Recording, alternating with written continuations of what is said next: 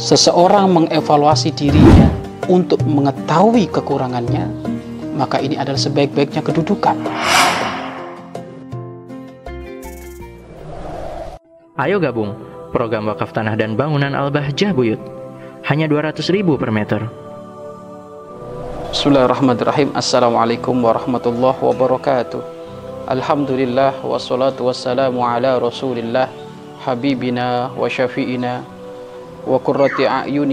maulana Muhammad sallallahu alaihi wasallam wa ala alihi wa ashabihi wa tabi'ina lahum bi ihsanin ila yaumiddin. Amma ba'd. Sahabat-sahabat fillah yang dicintai oleh Allah Subhanahu wa taala, jalan keluar dari masalah. Melawan amarah dengan amarah akan membawa masalah baru.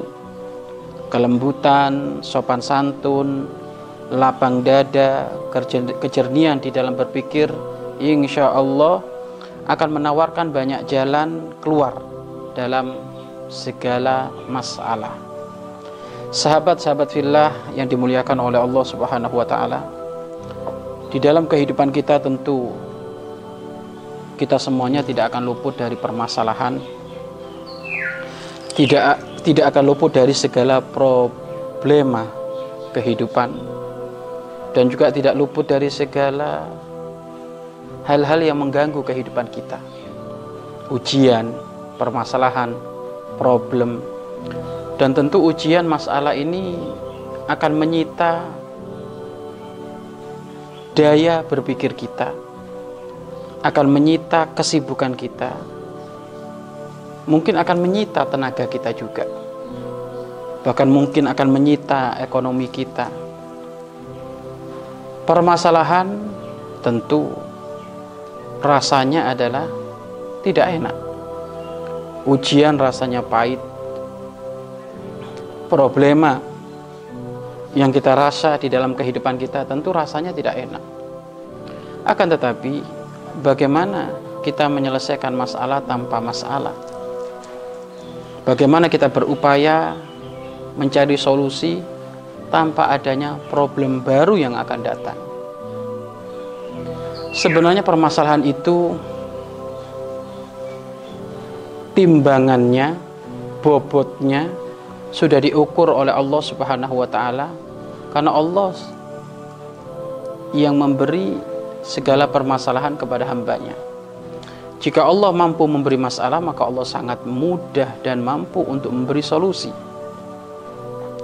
Maka biasakan di dalam kita terhempit oleh segala masalah apa pun, maka biasakan adalah cara menyikapinya jika kita dalam segala masalah yang kita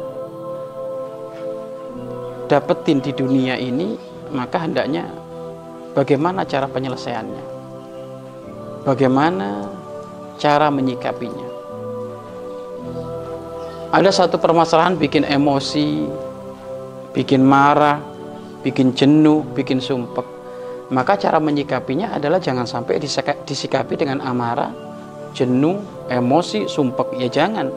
Maka tidak akan keluar dari masalah tersebut. Lalu bagaimana? Sikapi dengan lapang. Lapang hati, kesabaran, tensi emosi kita diturunkan, tensi amarah kita diturunkan. Yang ada adalah kita harus bersabar, lapang dada. Karena ujian ini termasuk adalah sudah ketentuan dari Allah Subhanahu wa taala. Siapa kita nggak diuji oleh Allah? Siapa kita nggak diberi masalah oleh Allah Subhanahu wa taala? bukannya ujian itu adalah termasuk proses pendewasaan kita di dalam kita menjalani kehidupan di dunia ini. Kalau tidak ada masalah, tentu tidak akan ada mengadu kepada Allah Subhanahu wa taala. Jika tidak ada masalah, tentu tidak ada yang yang menangis angkat tangan kepada Allah Subhanahu wa taala. Jika tidak ada masalah, maka tentu tidak akan ada orang punya pengalaman hidup. Dan jika tidak ada masalah, tentu seseorang tidak akan ada rem untuk mengarungi bahtera kehidupan dengan hati-hati. Maka permasalahan sebenarnya di balik masalah itu pasti ada hikmah yang sangat besar. Nah sekarang kita fokus kepada penyelesaian masalah. penyelesaian masalah hendaknya pertama kali yang harus kita siapkan adalah sikap kita. Sikap dohir kita dan sikap batin kita. Tentu jangan sampai kita terhanyut, terbawa dalam arus permasalahan ini sehingga semakin menjadi-jadi. Contoh, mungkin dia difitnah oleh orang, difitnah. Maka di saat kita menyikapi fitnah tersebut bagaimana? Cara menyikapinya adalah dicuekin. Tidak perlu kita termakan oleh fitnah tersebut. Kita nata hati kita. Tinggal kita evaluasi. Kalau kita difitnah orang bahwasanya kamu ini adalah orangnya kotor, jelek, ini itu. Tinggal kamu mawas diri apakah benar ada dalam diri oh benar masya Allah kalau benar ucapan terima kasih berarti dia sudah mengingatkan tapi kalau ternyata nggak benar ya sudah dia memfitnah kita pun tidak perlu ber, ber, ber, bereaktif tidak perlu kita saat itu mengambil satu tindakan merespon itu semuanya nggak ada nggak ada hasilnya. Malah kalau direspon semakin menjadi-jadi. Orang yang menyebarkan fitnah.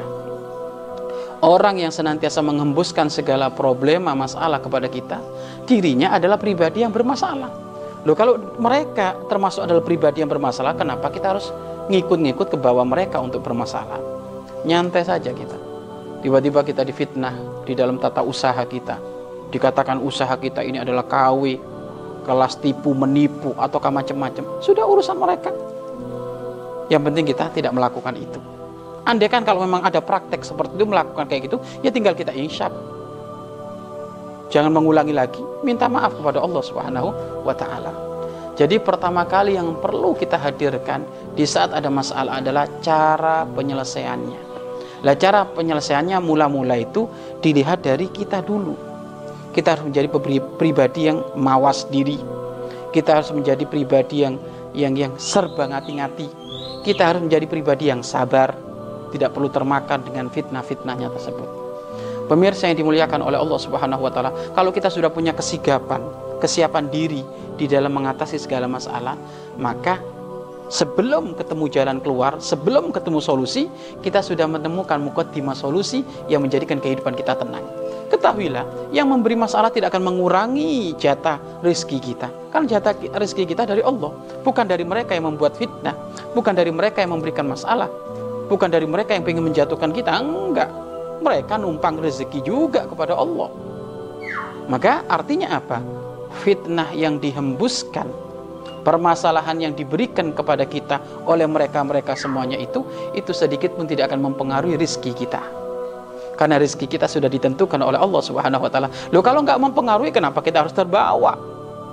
Mereka sana emosi dibalas dengan emosi ya semakin jadi mereka sana, sana ngomongnya ngelantur dibalas juga dengan kalimat ngelantur akan semakin menjadi di sana ngomongnya semrawut dibalas juga dengan semrawut nggak perlu kapan dia menampakkan mohon maaf menampakkan apa yang ada di otaknya dari kebodohannya maka kita jawab dengan intelektualitas kita dengan kecerdasan kita kenapa karena kita adalah hamba-hamba yang beriman kepada Allah bukankah termasuk dikategorikan hamba-hamba terkasih itu ada adalah idza khatabahumul jahiluna qalu salama. Apabila mereka orang-orang yang bodoh itu, bodoh perilakunya, bodoh akhlaknya.